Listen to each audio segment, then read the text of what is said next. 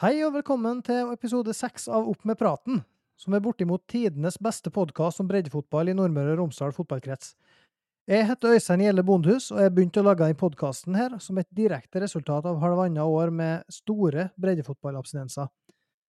I denne episoden her så har vi med oss to kjempeinteressante gjester. Førstemann gjør sin tredje opptreden i Opp med praten, og trenger derfor ikke noen ny introduksjon. Fra Sunndalen, Torgeir Ruud Ramsli, velkommen.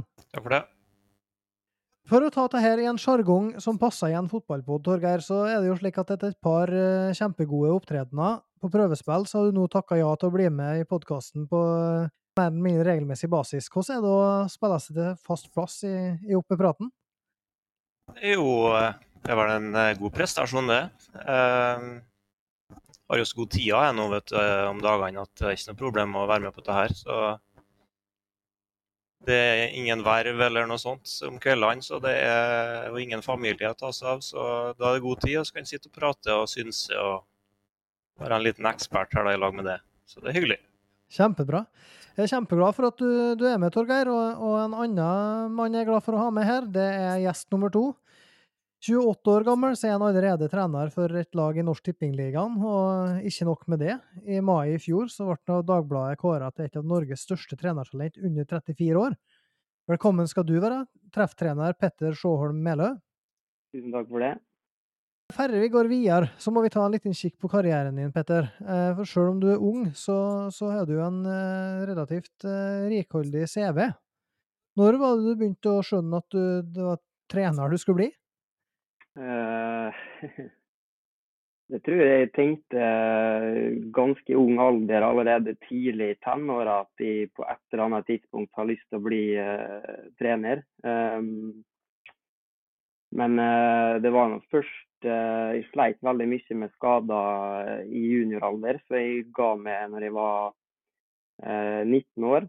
Um, og fant ut at da er det bare å starte og begynne som trener. og å få det i gang tidlig for å få mest mulig erfaring. Mm. Og, og, du begynte jo veldig tidlig, eh, både med trenerverv, men òg altså, Du satt i fotballstyret og sportslig utvalg i treff når du var, var 20 år gammel. Uh, og, og, to år senere så, så sto du jo for mye av den daglige drifta i klubben. Da de, du var praktikant og klubben ikke har daglig leder, hvordan var, hvordan var den tida?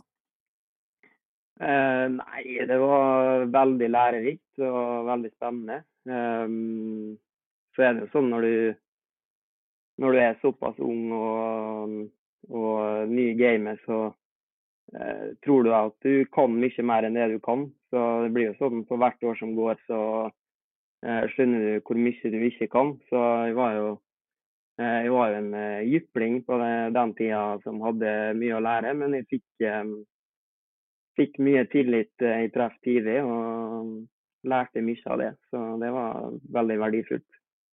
Mm. Hvordan var det? Altså, du, du flytta til Oslo for å gå på NIH, var det i 2016, var det ikke det? Stemmer. Ja, og da, da kom du inn i miljøet i, i Holmen. Eh, ja. Kan, kan, du fortelle litt om den tida i Oslo? Eh, ja. Eh, Holmen er jo eh, en klubb som eh, som i hvert fall på den tida drev veldig bra i eh, aldersbestemt fotball. og eh, brukte mesteparten av ressursene på eh, akademiet og i ungdomsfotball. Um, så, og det var et miljø med mye unge trenere som var villige til å bruke veldig mye tid på det. Så vi, vi satt i timevis og diskuterte alt fra spillerutvikling, spillestil, taktikk. Eh, så det var et veldig godt miljø å jobbe i. Og, og eh, mye spennende spillere i klubben òg. Så, så, det er en klubb som eh, eh har A-lag i fjerdedivisjon i, i Oslo-fotballen. Eh, litt av grunnen til at klubben sliter litt med å få et A-lag høyere, er jo at veldig mye spillere går til f.eks. Stabæk. da. Ehm, så, men det var veldig lærerikt og et veldig fint miljø å være i, som vi tok eh, mye steg som trener. da. Mm. Hva, hva oppgaver var det du hadde der? Eh, jeg starta å jobbe som spillerutvikler på det de kaller akademiet. da, Det er jo sånn eh, fotballfritidsordning etter skoletid. Så, så det var eh, fulltidsansatte trenere som, eh, som trener ungene eh, etter skoletid mellom sju til tolv år, som gjør at eh, spillerne får eh, mye god input tidlig. da. Eh, og så starta jeg å følge en årgang fra G13. Fulgte dem helt opp til, til junioralder. Um, og så ble jeg uh, A-lagstrener for første gang i 2019, i fjerde div der, da. Ja.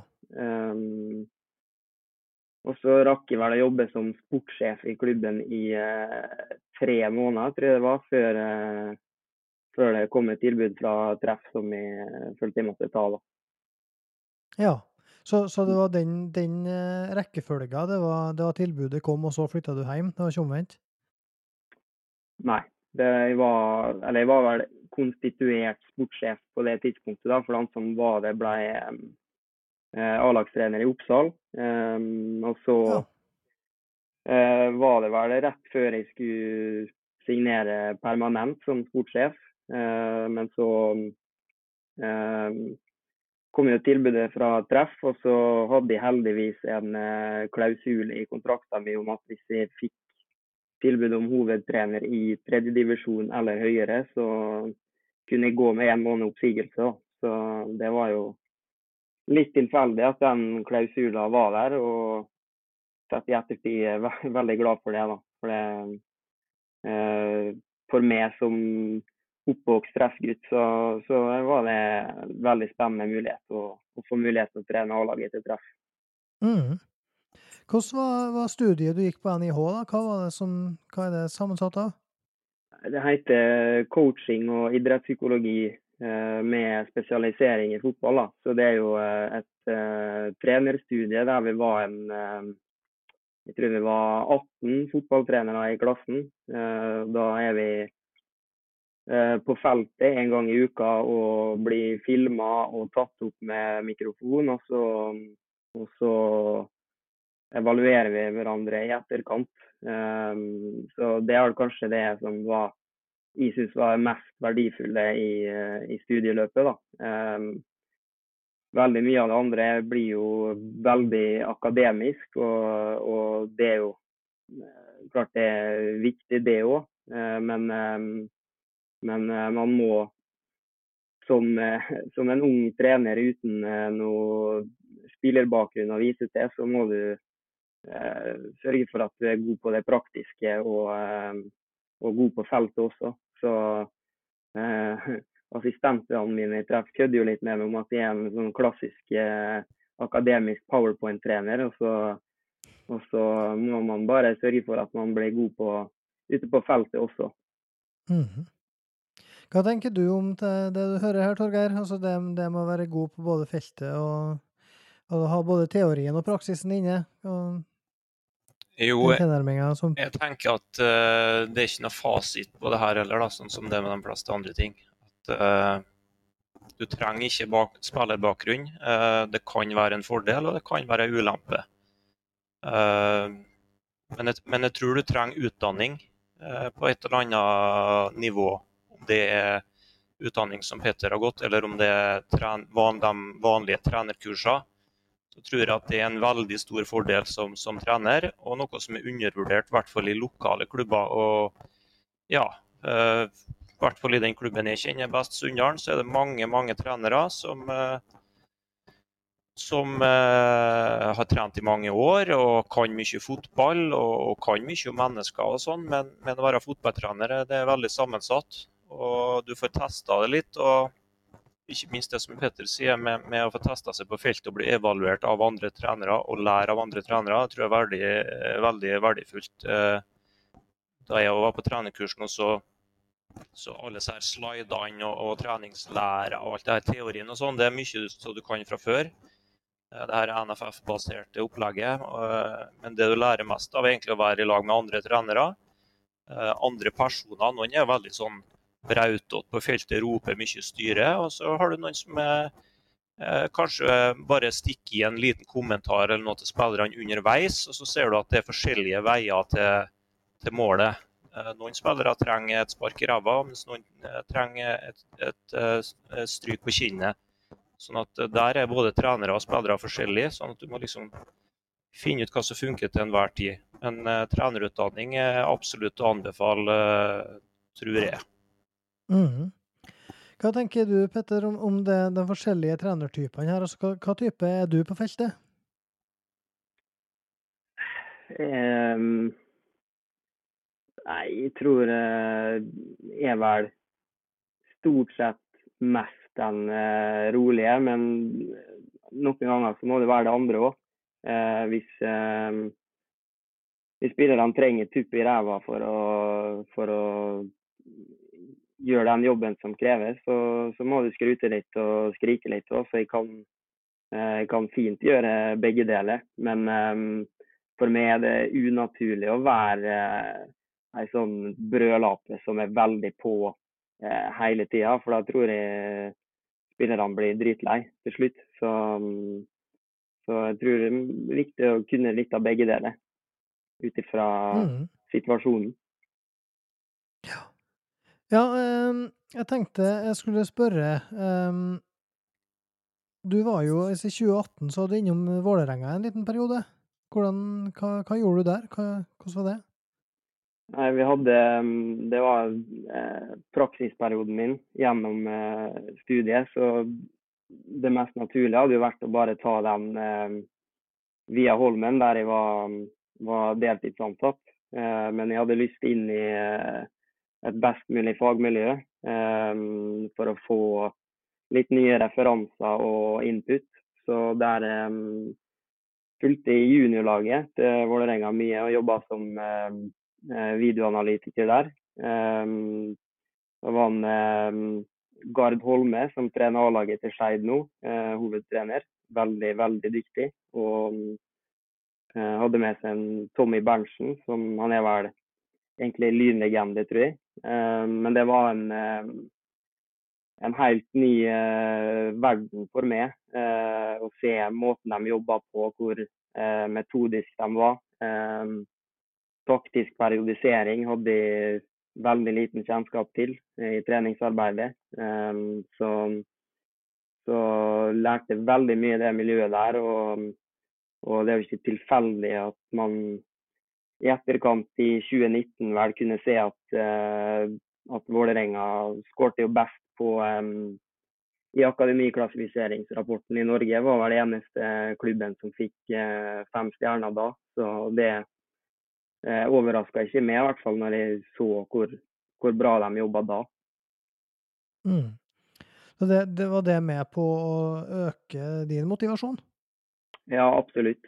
Um, jeg, fikk, eh, jeg fikk, eh, input på nye ting og uh, hvordan du kan jobbe metodisk med et lag gjennom ei treningsuke, gjennom en måned, gjennom en sesong. Da, som som har gjort det mye artigere for meg å jobbe som fotballtrener òg. Eh, for det, dette var ting som jeg ikke knapt hadde hørt om før. Så, som gjør at det kanskje blir eh, mye av det du gjør i treningsarbeidet, blir mye mer tilfeldig, da. Mm -hmm. Skjønner. Um, jeg må innom denne Dagbladet-kåringa. Um, de kåra altså de største unge trenertalentene i landet i mai i fjor. Hva, hva, tenker du om det å få plass i en slik eh, kåring som det der? Det tenker jeg veldig lite på. Altså. Jeg tror det er en sånn Dagbladet-kåring er veldig mye tilfeldigheter. Eh, og det er vel en sånn klassisk plussak for å få folk til å kjøpe abonnement og gå inn og lese. Så jeg, jeg, eh, jeg legger ikke mer i det enn at jeg eh, ble hovedtrener eh, i Norsk Tippingligaen forholdsvis ung, og da kommer du litt sånn auto inn på den lista. Og at det blir mye tilfeldigheter. Hvem, jeg vet ikke hvor mange de plukka ut om det var 50 eller hva det var. så vet jeg jo at det er veldig mange som dette var vel kun A-lagstrenere i Norge under en viss alder. Um, og det er veldig mange dyktige trenere som, som jobber i aldersbestemt, eh, som eh, helt klart eh, kunne vært på den lista òg. Så, mm, så, ja, jeg legger ikke så veldig mye i den kåringa. Nei, jeg skjønner. Jeg må jo innrømme at jeg, jeg kjøpte meg jo plussabonnement i dag for å, for, for å lese den saka, for å få, se hva som egentlig sto der. Så det, Ja. det funka på meg. Ja. Um, etter mange år med, med trener- og lederverv i, i treff, uh, som vi har vært inne på, så er du også nå trener for A-laget. og det Ikke nok med det, men de har jo starta med to strake seire òg. Altså, hvordan, hvordan er det å, å Du var litt inne på det, men hvordan er det å trene ditt A-lag på et vis? Altså, det her er jo treff og din klubb og Nei, det, um, det er veldig artig. Um, altså, som vi har vært inne på, så har jeg jobba veldig mye med um, aldersbestemt fotball. Og, og det har eh, vært veldig viktig for meg for å eh, utvikle med og prøve og feile og få nye ideer til hvordan du vil at laget ditt skal spille og, og sånne ting. Eh, og jeg er fortsatt såpass ung at, eh, at eh, det er ikke avgjørende for meg å være A-lagstrener akkurat nå. Eh, det viktigste er at jeg utvikler meg. Men det resultatpresset du opplever i mye større grad når du trener A-lag, er noe som eh, jeg har merka at det trigger meg veldig. da. Eh, og klart Treff er jo moderklubben min og en eh, klubb som jeg er veldig glad i. Så, så da blir det jo litt ekstra. Eh, så det er veldig artig. Veldig artig å trene i treff.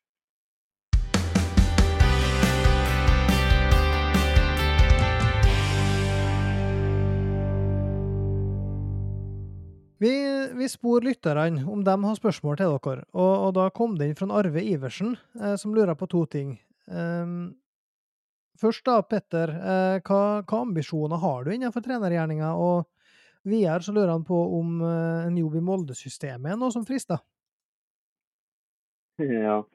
Eh, er det første først, da. Så er nå målet først og fremst å utvikle seg og bli så god trener som overhodet mulig. Eh, Men hvis vi ikke skal bare prate i flo- floskler og prøve å være litt mer konkret, da, så mm, er nå en målsetning å kunne leve av å jobbe som fotballtrener. Og det går nå litt på det valget jeg tok eh, tidlig i 20-åra, når jeg fant ut at eh, den eneste utdanninga jeg var interessert i å ta, var eh, spesialisering i trenerrollen.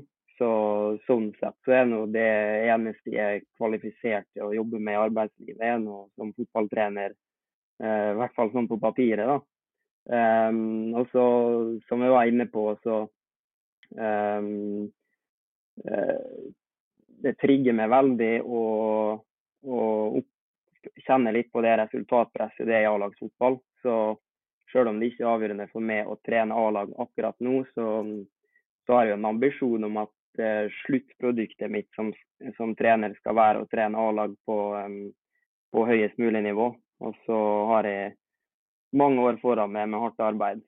Um, når det gjelder eh, om det kunne vært fristende med en jobb i eh, Molde-systemet, så tror jeg eh, han Vemund Smørdal hadde drept meg hvis jeg hadde svart ja, for dem som kjenner til han. Eh, så her tror, jeg, her tror jeg skal dra et eh, gammelt Christian Gauseth-sitat fra em, 2002, når eh, Molde prøvde å hente han fra treff. Og da sa han til Dagbladet etter em, Norway Cup-finalen at han eh, vil heller spille for en klubb med klubbfølelse enn et aksjeselskap. Så eh, tror jeg bare lar den ligge der.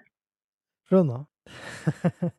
Du, du som har vært innom begge, Torgeir, hva tenker du om, om det? Nei, Kristian ble jo Molde-spiller da etter hvert.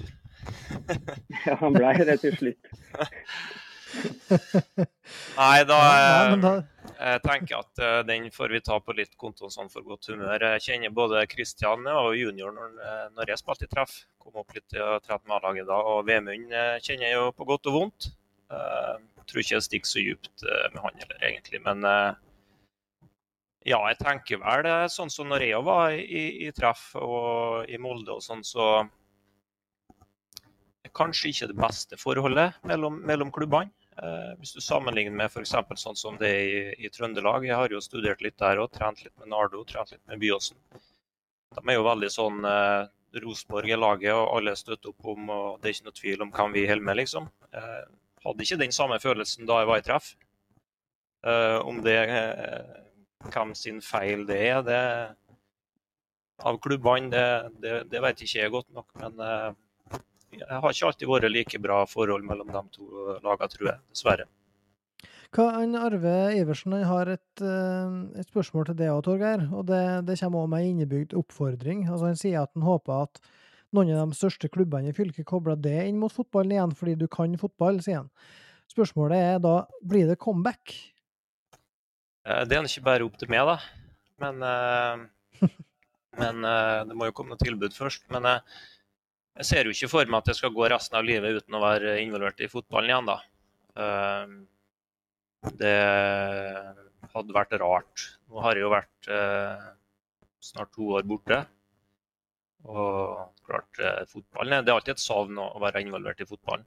Jeg følger med mye og er på mye kamper og, ser og, og sånn. Og, jeg er med på det her, som er artig. Men eh, det er jo ikke så mye som slår å, å være på feltet i lag med gutta og holde på, da.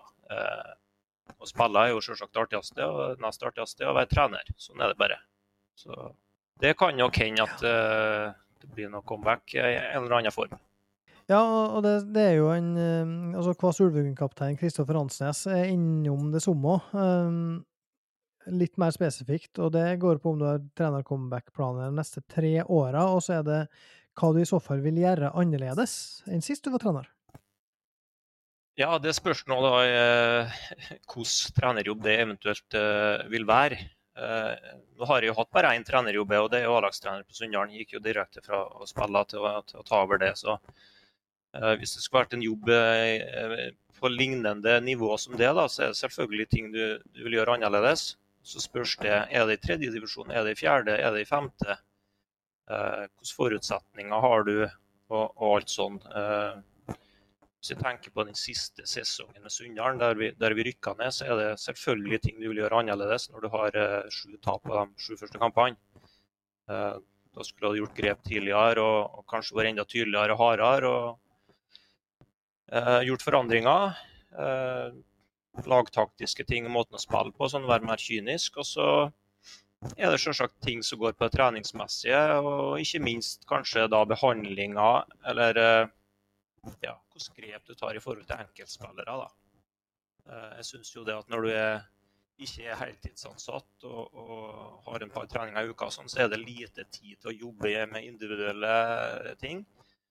Uh, spesielt da med å få spillere som du mener har et potensial til å lykkes. For da går det går ofte på en del sånn mentale ting med, med dem. Uh, de kan være nervøse, eller uh, de er gode på trening, men ikke i kamp. Kanskje du er for hard. Eh, ja, kanskje spiller de ikke rett posisjon, så eh, går, kanskje jeg ville ha tatt tak i mer i det for å få ut mer av enkeltspillere, og da kanskje spesielt unge spillere som trenger mye sånn oppfølging. Kristoffer Arnsnes har òg et par spørsmål til deg, Petter. Eh, som vi var inne på, så har Treff vunnet begge sine to første kamper, eh, toppa tabellen. Eh, han lurer derfor på hva ambisjonene dine for førstelaget til Treff er, om andredivisjon er et realistisk mål på sikt? Um, altså Jeg vil uh, gjerne gjøre det bra med, med Treff og rykke opp til PostNord i, um, men for at det skal skje, så er det veldig mange som må i klubben som må dra i samme retning. Og det må være en målsetning som klubben setter seg. Um, og det er jo ikke sånn at Treff kan uh, velge og vrake spillere som er gode nok til å spille oss opp til Post Nord. Uh, for de spillerne uh, ender fort opp i andre klubber som har uh, råd til å gi dem penger. Uh, F.eks. Brattvåg. så hvis vi skal opp, så må vi eh, profesjonalisere eh, arbeidet, treningsarbeidet eh, og det sportslige rundt laget. Så altså, jeg vil jo gjerne ha bedre verktøy for videoanalyse enn det vi har i dag. Vi må få opp et kameratårn, så vi slipper å analysere kamper med en forbanna stolpe i veien. Jeg kunne gjerne tenkt meg GPS-måling for å måle det fysiske og spillerne gjennom treningsuka, sånn at vi slipper å synse om vi har trent for hardt eller for, for lett. Jeg kunne gjerne tenkt meg styrkerom på anlegget, så spillerne slipper å kjøre til Moldalen for å gjøre den styrketreninga de skal. Altså det er uh, sånne ting. Hvis vi hadde fått det på plass, så tror jeg absolutt at vi har potensialet til å være en klubb som eh, kjemper om opprykk til PostNord. Eh, men per nå så er ikke det en målsetning klubben har satt seg. Og jeg tror de de eh, økonomien treffer i dag, eh, så har vi mer enn nok med å betale de regningene som kommer ved å spille i Norsk Tippingligaen med eh, lange borteturer. Spillerne skal ha treningsutstyr til å trene fire-fem ganger i uka. Og, og, sånne ting. Så per nå så er ikke det veldig realistisk, men jeg tror ikke det er urealistisk heller hvis, hvis klubben ønsker å å gå i den retninga. Mm. Nei, har, har de prata Du sier at det ikke er uttalt målsetning per nå, men, men eh, har de prata noe om hva, hva er uttalt målsetning? Så resultatmessig i år, da, tenker jeg på? Nei, vi hadde, vi hadde spillermøte eh, før sesongen, og da sa vel mm, Da sa vel spillerne topp fire, tror jeg. Eh, for å være automatisk kvalifisert til NM, tror jeg. Og så sa vel vi trenerteamet på forhånd sa øvre halvdel, da. Så mm. vi er jo vi er jo fortsatt veldig usikre på hvor, uh, hvor uh, bra vi er. Uh, fordi at forutsetningene er så spesielle i år, med en kun enkel serie og vi har jo et helt nytt mannskap. Vi har fått nye spillere inn i sommer, som, og noen av dem har vi kjørt rett inn på laget. Så eh, den elveren vi mønstrer i første serierunde, har jo, eh, har jo aldri spilt sammen før. Eh, så, så, det er litt sånn vi er vi er fortsatt litt i en utviklingsprosess med laget og, og få satt ting i større grad. Og så har vi heldigvis klart å få ta seks poeng på de to første. Men vi, vi vet jo heller ikke hvor bra Orkla og Melhus som vi har møtt til nå er. Um, det kan godt hende det er to lag nede i bunn. Vi, altså, vi har ikke peiling. Eh, så vi er jo forberedt på at det blir en tøffere test nå til helga mot eh, Spjelkavik enn det har vært til nå. Og så eh, får vi jo se. Um, så akkurat nå ser vi litt der at Eh, både Treff og Vika, som begge står med seks poeng, eh, eh, kan jo komme med en lite statement hvis man står med ni poeng etter tre, da, om at man, man, har muligheten til å klamre seg fast til toppen. Eh, så et tap der, så, så, ser det annerledes ut igjen. Så det er, det er veldig vanskelig å si, rett og slett. Mm -hmm. og, og, den kampen har vi jo spurt eh, lytterne våre om å tippe på, eh, hvordan de tror det går. og der, der, er det altså Av 86 som har svart, så er det 50% som eh, tror på treffseier.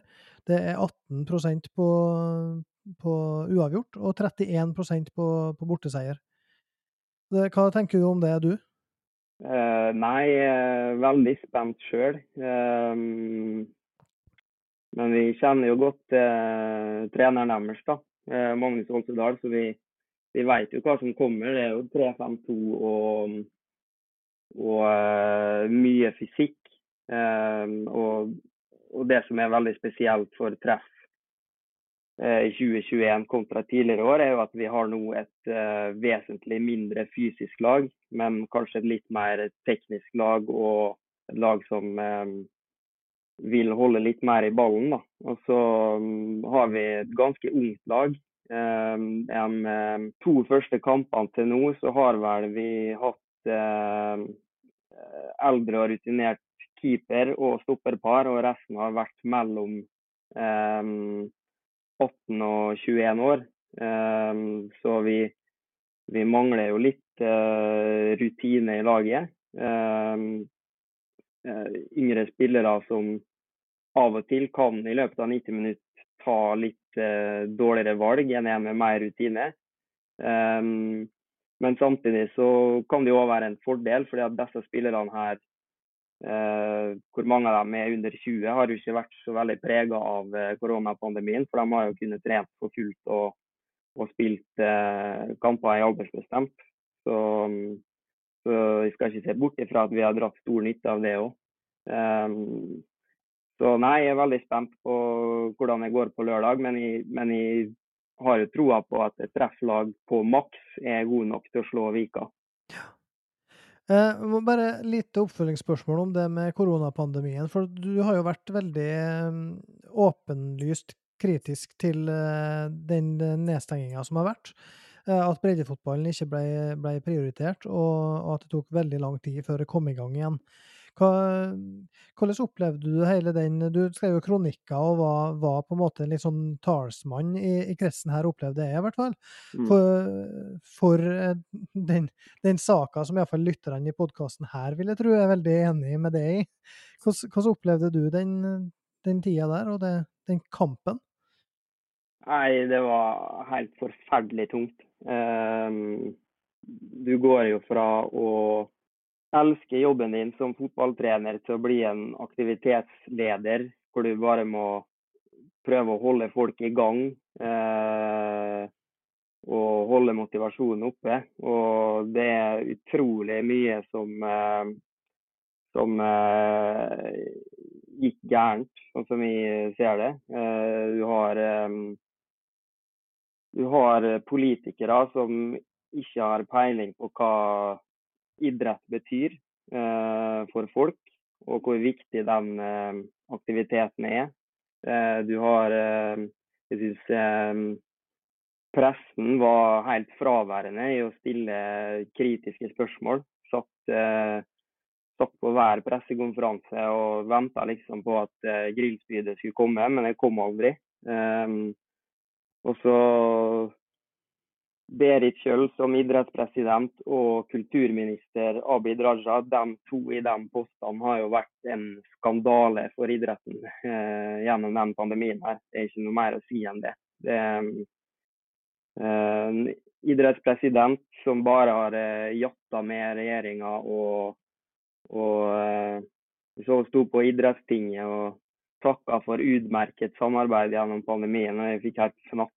Så det det har vært eh, veldig provoserende. Eh, men heldigvis er det, er det fortid nå, da. Hva, hva, tenker du om det Petter sier her, Torgeir? Nei, Jeg var jo så framsynt at jeg ga meg rett før pandemien kom. Så jeg har jo sluppet unna alt det her. uh, nei, jeg kan jo bare forestille meg hvordan jeg sjøl har kommet til å være i en sånn situasjon.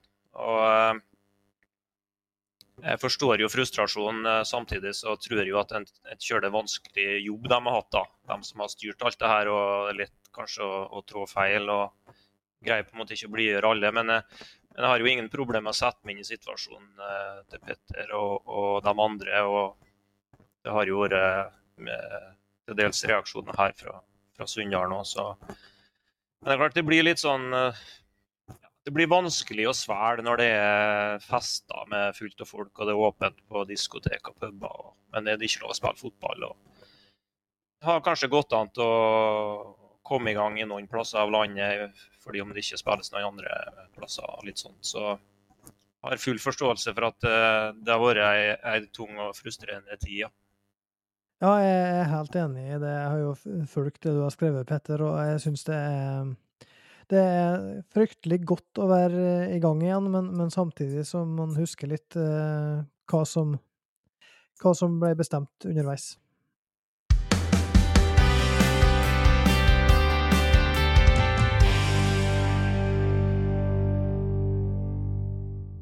Hvis vi holder oss til et eh, treff, nå treff to, så lurer jeg da naturlig nok fortsatt Kristoffer Ansnes her. Eh, kaptein Kvas Ulvungen sitt lag i femtedivisjon har eh, divisjonskollega treff to planer om å rykke opp i år? Ja. Eh, det er veldig viktig for oss å få treff to opp i fjerde div. Det er flere grunner til. En av dem går litt på spillerutvikling. Vi har en del spennende juniorspillere nå som vi tror kan ta steget til å bli gode tredjedivisjonsspillere på sikt. Og det vi ser er at juniorserien og femtediv er en for dårlig kamparena til, til at de skal ta det steget. Og så har vi en ganske stor avstand nå. Og det er viktig å holde folk i gang, sånn at de som til enhver tid ikke er inne på laget, skal være klar til å gå rett inn og prestere i tredjedivisjon når det oppstår skader og suspensjoner som, som, alltid kommer. Så da må de ha en eh, kamparena i eh, fjerdedivisjon.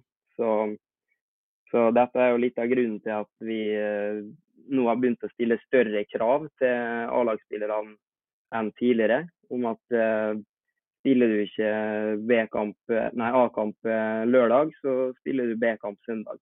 Så så for vår del så vil alt annet enn et uh, opprykk være altfor dårlig. Um, men uh, vi er forberedt på at det blir, uh, blir tøft å dra, dra innover og spille mot Kvass på gress der, bl.a. Så, så, vi er klare for å gjøre en jobb i femte divisjon i år. Da, da, må jeg jo spørre et, et oppfølgingsspørsmål. og Da får vi se duellen mellom en Hustad og en Kristengård på midtbane i den den kampen der, som eh, Kvass-trener Henrik Hustad var så redd for? uh, ja, da må vi hvile en Kristengård lørdagen i så fall, da. Uh, ja, vi får, vi får, ta litt avveininger hva, hva som blir viktigst for oss, om det er Strindheim lørdag eller uh, Kvass søndag. Ikke sant.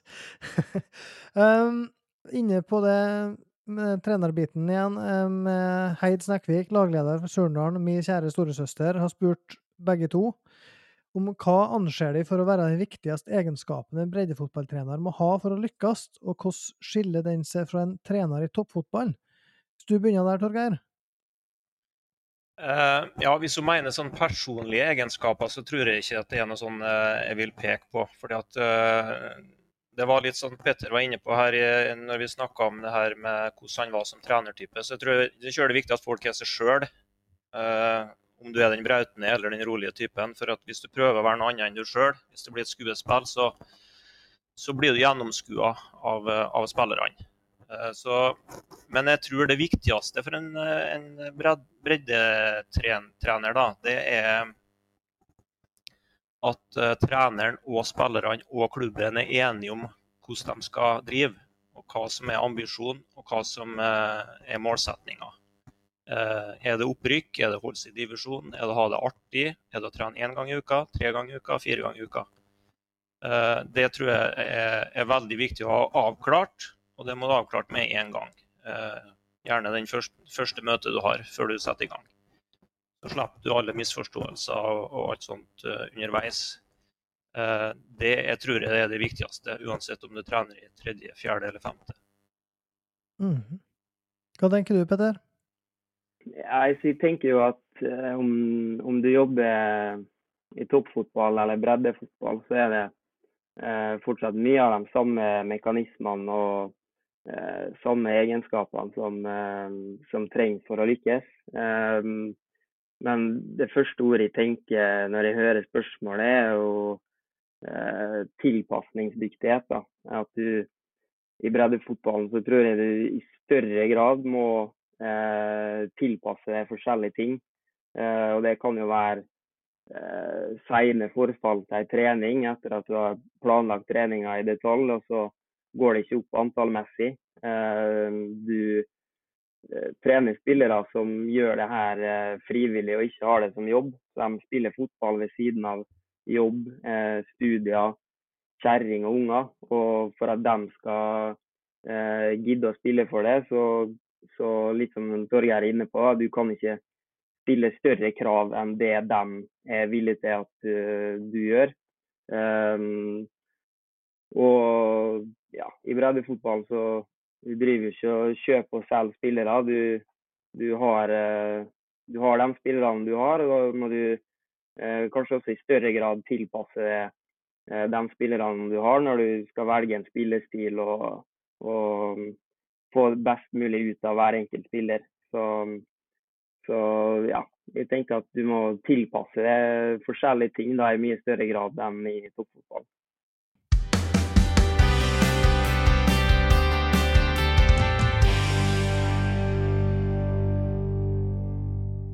Forrige helg så var det full serierunde i fjerdedivisjon for første gang på nesten to år.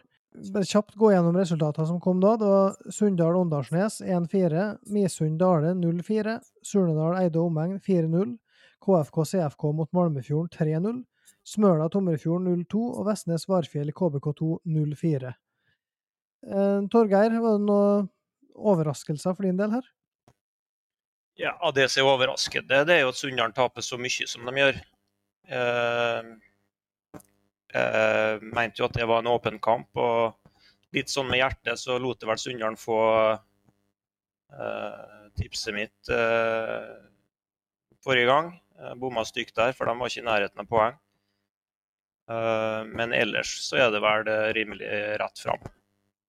Ja, det er, det er litt artig å se, syns jeg, når det er breddefotball, og, og du, du, leser aviser, du leser kampreferat, du leser alt mulig sånne ting. Og, og eh, det virker ikke som om noen noen gang ser samme kamp. Det syns jeg er veldig fascinerende. For sånn som eh, det Smøla Tomrefjord, så var det en kommentar som gikk akkurat på det, der Smøla mente sjøl de hadde begynt best, og der det var ble, ble 0-2, og kanskje Smøla holdt bedre enn eh, kanskje en del hadde trodd. Og da, da kom det en kommentar fra Tomjufjordfeltet at eh, hva kamp har dere egentlig sett? Så, det, det, der er litt sånn gjengs, eh, uh, syns jeg, alle at, at, du har veldig ditt eget ståsted, og det og, og, og breddefotballen kan jo bli relativt brei. Um, det så vi nå på, på Twitter i går, for det er bare en kjapp eh, digresjon. Men Vågstranda IL, som vi har nevnt tidligere her, de har også um, første gang seniorlag siden 1982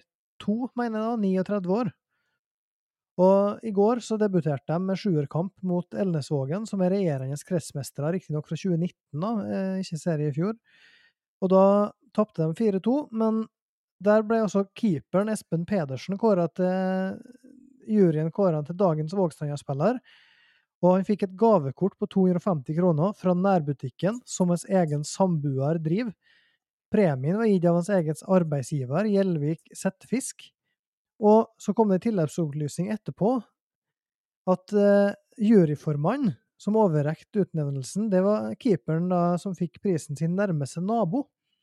Og uh, han juryformannen holder på med renovering av hus, der keeperen, og naboen, flittig hjelper til. Da begynner det å bli ganske tette bånd. Det er en, en digresjon. Men uh, Petter, femtedivisjonskampene, var det noen store overraskelser der? Store seire til både Treff 2 og, og KS Ulvungen, blant annet? Nei, jeg veit ikke hva som er hva som er overraskende og ikke. Altså det Vi var jo Ja, vi var spent på Hjelset Kleive, hvor bra de skulle være. Men eh, forskjellen på lagene var, var, stor i den kampen. Så vi var Eh, mye bedre mye bedre fysisk form enn dem, uh, annet. Så, så nei, jeg har ikke peiling om det var overraskende eller ikke. Vi, vi, vi, vi, gikk jo for tre poeng der, eh, men vi hadde vel ikke sett for oss at det skulle bli eh, enveiskjøring som det ble. da. Nei, altså det, det er jo eh, såpass uh, store seire her, og så har vi jo Gossen AK der altså hjemmelaget Gossen dessverre ikke klarer å mønstre mannskap. Så det, det håper virkelig at de, de får til det nå, nå, i helga, slik at de ikke må trekke laget borte mot Dale 2. Men uh, Gjelseth Kleive, som også da var et topplag sist, de får uh, rett og slett grisebank mot Treff 2, som uh, har opprykksambisjoner. Og så ser vi at etter den kampen så har de òg mista to de, de, hadde jo igjen to Kristengård, to blad Kristengård, og nå har begge de to gått til Røa. før kampen mot Kvass i helga. Så spennende å se om Gjelseth Kleive kan, kan slå tilbake etter den 8-1-kampen der. Um, du, Torgeir, du så Kvass, gjorde du ikke det? Hvordan var den kampen? Jo, det var eh, enveiskjøring, det og hele kampen. Uh, Dale 2 er jo et lag som egentlig skulle ha spilt i sjette. Uh, det var, ja, for å si rett ut, bare guttunger på laget. Uh, tror ikke det var så mange med førerkort, for å si det sånn. Så nei, det var stor forskjell. og Kvass har jo raske folk foran som de bare putta igjennom, og de sprang fra dem hele Så det var litt sånn gutter mot menn-kamp, det, da. Så Mm. men jeg tror det var bra for Kvass å få komme i gang. og Det var en par foran der som fikk skåra en del mål. og, og sånn, og De er jo ytterligere forsterka denne uka her, sånn at uh, det begynner å se bra ut for Kvass. Men uh, når Petter er så tydelig på at, uh, at uh, Treff 2 skal vinne den divisjonen, så tror jeg det blir tøft for de andre lagene, ja. Det, det må jeg si. Så, og da, da bør jo egentlig Treff å ta den divisjonen. Mm. Du, du, når du er inne på at, at Kvass er forsterka nå, så, så er det en Sander Grimeli, eh, tidligere Sunndalen, som har eh, hva, hva får eh, Kvass i han? Nei, Han får en kjølig solid spiller. Eh, fin venstrefot. God fotballforståelse, pasningssterk, klok. Eh, mangler fart, som gjør at han kanskje ikke har slått gjennom eh, høyere opp. Har riktignok spilt en del i tredje divisjon, både Kolstad og, og Treff. Gjort det bra der.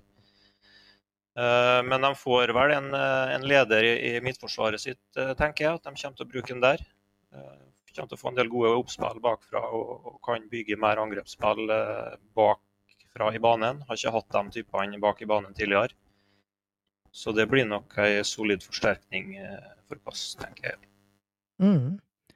Hva, hva, hvis du tenker videre, i, hvis en ser på den Gjelseth Kleive-kampen, så når vi spurte lytterne om den, da, så Gjelseth Kleive, Kvass Ulvungen, så er det 84% som tror på borteseier og Kvass-seier. Um, mens vi eksempel i AK Elnesvågen uh, har 46% på Elnesvågen, 40% på AK. Molde 3 mot Treff 2, der er det 67% som tror på Treff 2-seier. Hva tenker de om de tre som vel kanskje er det som kan se ut som toppkamper? Petter, først. Eh, kan du si kampene uh, ta én om gangen? Nei, Først er jo Gjelseth Kleive mot Kvass. Hvis Kvass er så bra som en Hustad skal ha det til, så bør Kvass ta det greit. Så bli med det. Enn AK Elnesvågen, da, som er to lag som nå helt sikkert har ambisjoner? Jeg veit egentlig ingenting om dem. Jeg veit at, uh, som jeg har vært inne på i denne poden her tidligere, at uh, Ernesvågen har signert som Flønes, og han holder nå eh, veldig godt tredjedivisjonsnivå, så det er jo en klassesignering. Eh, utenom det så vet jeg egentlig ingenting. Men eh, hvis vi skal gjette noe, så går jeg da for Ernesvågen, fordi de har en Flønes. Og at han antagelig er en spiller som kan være en eh, veldig, veldig avgjørende faktor i enhver femtedivisjonskamp, vil jeg tro. Mhm. Enn eh, din egen kamp mot Molde 3? Hvis jeg ikke husker helt feil nå, så tapte de en treningskamp mot uh, juniorlaget vårt der tidligere i sommer, tror jeg. Uh, så basert på det, så bør vi jo ta dem. Hva tenker du om de femtivisjonskampene der, Torgeir? Jo, jeg støtter alt det her fullt ut. Eh, når Gjelseth fikser den eh, nesestyveren de fikk nå, og i tillegg har mista en par mann til, så og, og treff Nei, Kvass har vunnet, vunnet stort og, og er enda mer forsterka, så så tror jeg at det er på en måte mye mer drive i, i, i Kvass-laget, sånn at de, de drar inn den. Um, Kristiander Nyland har kommet godt i, i gang og skåra et par mål. og får nok sprunget gjennom der Gjelseth-forsvaret litt, tenker jeg.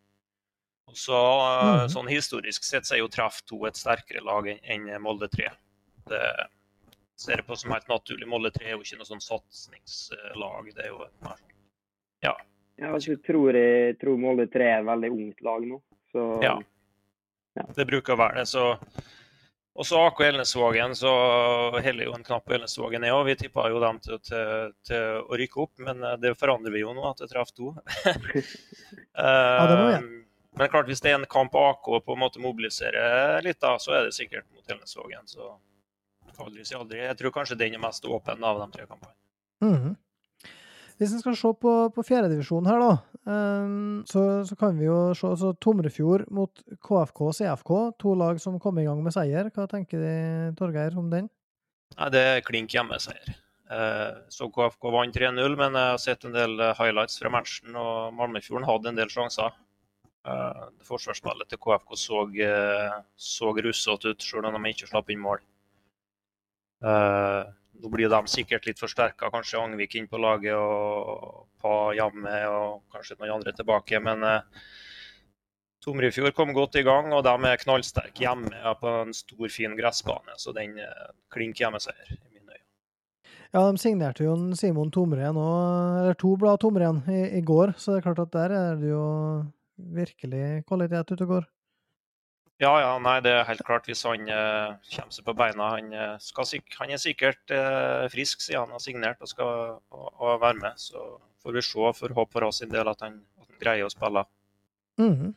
Så er det jo en kamp som, som eh, Jeg er jo spent på den, må jeg innrømme, og det er jo Malmefjorden-Surndalen. Eh, 87 svar og 79% sier Surndals seier. 13% uavgjort, og 6,9, altså 6 av 87 har tippa Malmefjorden-seier i Malmefjorden.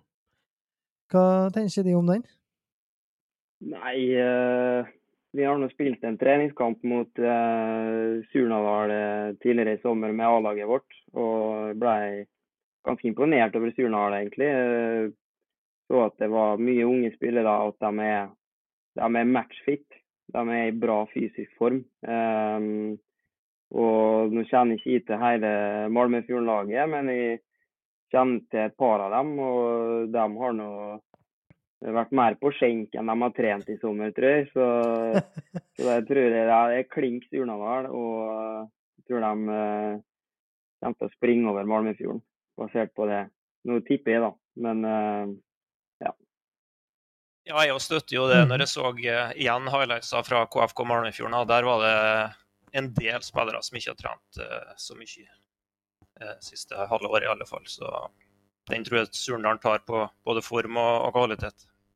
Så er det Eide mot Vestnes. Det er jo to lag som både er unge, og som, som endte opp med å tape 4-0 i, i, mot Surndalen og KBK2 i, i åpninga. Så hva, hva kan en forvente seg der? Torgeir? Nei, jeg så nå at Vestnes var rimelig fornøyd med kampen, da, med 0-4 hjemme. Eh, I forhold til det vi snakka om tidligere, det er jo sånne ting jeg stusser litt på. Eh, møtte jo et KBK2 som var fryktelig ungt. Eh, sikkert bare 16-17-18-åringer. Eh, så nei, eh, jeg syns det eh, Det ser mørkt ut for eh, Varfjell, altså. Dessverre. Så um, jeg tror ikke det blir poeng den gangen her heller. Har du noen kontakter der, Petter, som gjør at du kjenner Som du, at du kjenner til noen Vestnes-spillere? Nei, jeg hørte vel gjennom denne poden her at de har signert den eh, Kalle Stokkeland, stemmer det? Ja, han Ja. er med igjen, ja. Ja, han kjenner jo Han er jo bra spiller, da, men jeg er mer usikker på fysisk form der. Eh, men eh, nei, jeg vet Kjenner veldig lite til hvordan det er i Vestnes nå, men det er jo basert på de resultatene de har hatt i treningskampene, så, så ser det ut som de har litt oppoverbakke. Ja, så tror jeg, bare for å si det, Øystein, så tror jeg at uh, Ja. vi har, eh, Jeg tippa jo Eide og langt ned, men, uh, men jeg så lagoppstillinga første kampen. De, altså, de fikk, uh, fikk jo juling på Syltørene, ikke overraskende stor eh, gressbane for dem. Men de har, en, eh, de har jo en sju-åtte spillere ser som har vært med en del år, som har litt erfaring fra divisjonen, og så har de noen bra spillere. og, og litt fysikk, men en Søbstad og, og er en bra spiller. og så Det tror jeg holder, da eh, er helt godt mot, eh, hjemme mot Vestnes. Ja, jeg er enig i den. Jeg så jo den Eide-kampen mot Surndalen, og, og det var jo Det var ganske stor forskjell på laga. Um, Eide la seg lavt i 4-5-1 og med flat femmer på midten og ble spilt veldig lave. Søbstad satte inn uh, presset på ja, rundt midtstreken. Um, det var en tålmodighetsprøve, og når det først ble 1-0, så ble det 3-0 etter ja, 7-8 minutter etterpå. og da, da, var det egentlig gjort, og da ble det masse bytte resten av kampen. Så det er en litt sånn klassisk, eh, klassisk kamp, det der. Men, men, likevel så var det den første omgangen var 0-0 til pause. Eh, midtbanetrio der, men Botten, Harlås og Lysgård, kaptein, som er solid, altså. Så den tror jeg at eh, svakere lagene kommer til å slite med den midtbanen der. Og stanga jo unna mye bak der òg, i Forsvaret. og Holdt jo nullen til 50 minutter, så det Jeg òg tror nok på Eide der. Dale-Sunndal da, Torgeir? 86% hjemme, tipper folket. Ja, jeg er jo ikke så overraska over det, eh, etter det som skjedde i første serierunde. Så Nei, jeg frykter litt for Sunndalen, Øystein, må si det. Nå har de Dale borte, og så har de KBK2. Um, så det kan, kan, bli en veldig tøff eh, start. Um, jeg kan ikke se hvordan det Sunndalslaget, sånn som de fremsto nå sist, eh, skal ta poeng borte mot Dale. Det, da blir jeg meget imponert og meget overraska. Men du så vi har jo sett de to lagene der i treningskamp tidligere. altså Hvordan var den kampen? Nei, Den var jevn. Men uh, da må du huske på at da var ikke Rolland med, og ikke Orstrand og ikke Frøner uh, med flere. Uh, så og klart Når du har tre hva skal jeg si, veldig gode fjerdedivisjonsspillere på midtbanen og fremover, så vil det utgjøre en stor forskjell i et lag. Eh, på nivået her, der lagene kanskje i utgangspunktet er veldig jevne, og så har du en 3-4-5 som, som skiller. Så eh, da tror jeg Dale har en for stor kapasitet per i dag til at Sunndal skal matche. Mm. Så er det jo, Du så jo det andre laget der òg på Sande sist, altså Åndalsnes-Smøla. Hva tenker du om den? Nei, det er jo klink eh, hjemme igjen, da. Um, jeg syns runden ser veldig sånn rett fram ut. Uh, mm. Åndalsnes uh, imponerte med dem, altså. Veldig godt lag. Seriøst, godt, godt organisert. Alle gjør jobben. ikke noe tull. Goalgetter foran, som er veldig effektiv. Pluss litt annet krydder. Det var en Paiva der på venstrekanten som var veldig frisk. Driblesterk og hurtig. Eh, ble jo imponert over en midtbanespiller der, eh, kaptein Nyheim, som var, jobba hardt og var pasningssterk og vant mye dueller. og ja, de sprang jo til tider over eh, midtbanen til Sunndalen. Så ja, jeg var imponert over Åndalsnes. Det var større forskjell på lagene enn, enn jeg trodde. Så at de skal nok ta smøla greit hjemme, ja. Har du, Petter, vært borti dem gjennom noe juniorlag eller noe sånt? For Åndalsnes er jo et sånt lag som har, uh, har hatt uh, ikke den her samme pandemipausen som en del andre lag, fordi at de er såpass unge? Ja, hvis vi husker riktig, så var det vel eh, var det vel Treff og Åndalsnes som, som stakk seg litt ut i kampen om kretsmesterskapet i juniorserien i fjor. Så endte med at eh, treff tok det til slutt, da. Men de tapte vel eh, hjemme der i første kampen mot dem. Så, så det tyder jo på at ÅIF har mye bra unge spillere. Eh, absolutt. Mm. Og det er òg den, den, kampen som folk eh, som har tippa, har klarest seier i. Altså 84 av 86 svar er hjemmeseier. Det er nesten 98% så der er det ganske unisont. Så da er utfordringa gått til dere som hører, da. Da er det bare å bevise at folk tar feil.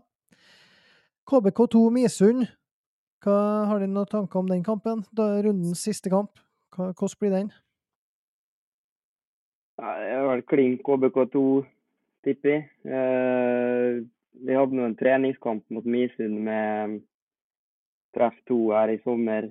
Eh, tror vi vant 5-2. Eh, Men da vet jeg at Misund mangler veldig mye folk. da. Kom kom et veldig ungt lag, så jeg vil tro de eh, har mer å ta av eh, i serien nå. Eh, men det var eh, mye spillere som ikke så ut til å være topptrent, akkurat. Eh, men så har de jo signert Emil Sjøvik fra Treff nå, av Misund, og det er jo en, eh, en eh, veldig bra spiller som holder eh, høyt tredjedivisjonsnivå, spør du meg. Um, han valgte å gå tilbake for å slete, med et kne i et år, så han ville uh, spille på gress. Um, mot oss så brukte de han på, som spiss. Da. Uh, da, da spørs om de får nok på ball. Da. Uh, for han er en veldig god spiller med ballen i beina. Så så det blir spennende å se om Isund kan, kan begynne å heve seg litt etter hvert. Men eh, KBK2 nå, det, det er jeg ganske sikker på blir altfor tøft. Hva tenker du, Torgeir? Jo, da er jeg helt enig i alt her. Klart KBK2 vant jo 4-0 borte da, med bare unggutter. Kanskje, kanskje blir det med en par fra Asdalen òg, men eh, ja, sannsynligvis ikke. Jeg tenker at de kanskje kjører med den samme gjengen når de når de vant såpass mye borte sist og ser at det, at det, at det holder, eh, i hvert fall mot de svakere lagene, så tenker jeg kanskje at så ungguttene derfor fortsetter. Og, ja, eh, jeg så det var jo en del eh, kjente lokalfotballnavn på Misund. Even Hegdal og Arnt Erik og, og sånt. Men det spørs på, på formen. Og hvis de ikke har trent noe særlig, sånn som Petter sier her, eh, som det så ut som, så, så blir de sikkert overløpt, eh, altså ungguttene til KBK2. Så ja, igjen så tror jeg at eh, ja, runden er veldig sånn eh, klar. Klare favoritter i alle kampene. Jeg spurte to spørsmål til eh, i forkant av episoden her som vi skal gå gjennom. og det er altså, Hvor er det vanskeligst å vinne henne i fjerdedivisjon? Altså en bortekamp? Hva bortestadion er tøffest? Hva tenker de om det? Ja, det er vel mange som eh, ønsker at vi skal si Syltørene, da. Men det er lenge siden vi har tapt der. Vi har stort sett vunnet. um, man kan bare gå inn og sjekke eh, statistikkene folk hvis de ikke tror meg. Nei da, men, men jeg tror kanskje jeg tror kanskje jeg vil, da tror jeg kanskje jeg vil si Tomrefjord, jeg, altså. Mm. Mm. Det liker meg ikke så godt der.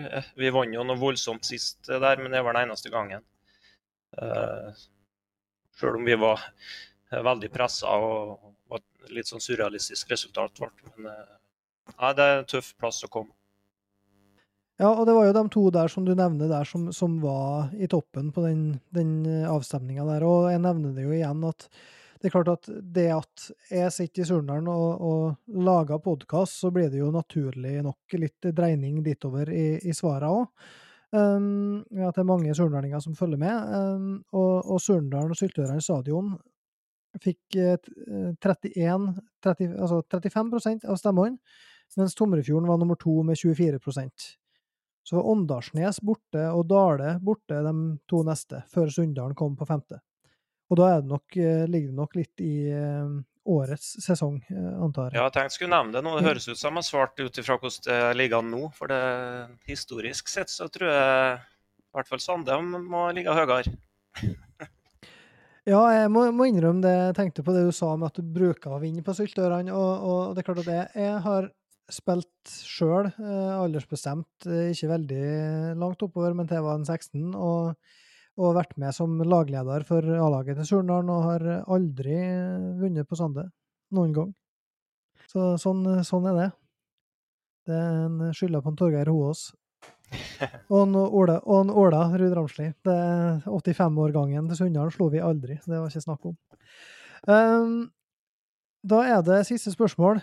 Og da, da, Vi har jo diskutert her før, Torgeir. Det gjelder hvem er den beste spilleren i, i fjerdedivisjon. Um, hvem tror de folk har svart? Hva tror de er resultatet på avstemninga? Det står sikkert mellom en Joakim Bjerkås og en andre Sæter. Ja, det stemmer det. Mm. hvem tror du vinner? Uh, nei, siden det, er som, det her er nordmørs uh, overvekt i poden, så vinner vel Andreas da sikkert. Eller hva skal jeg si, indre Nordmøre. Ja. Nei, det her er altså Det ender rett og slett eh, 23-22 i stemma til en Andreas Starsek Sæter, men Joakim Bjerkås som nummer to. Og så en eh, Arnt Erik Brakstad nummer tre på, på den uh, kåringa der.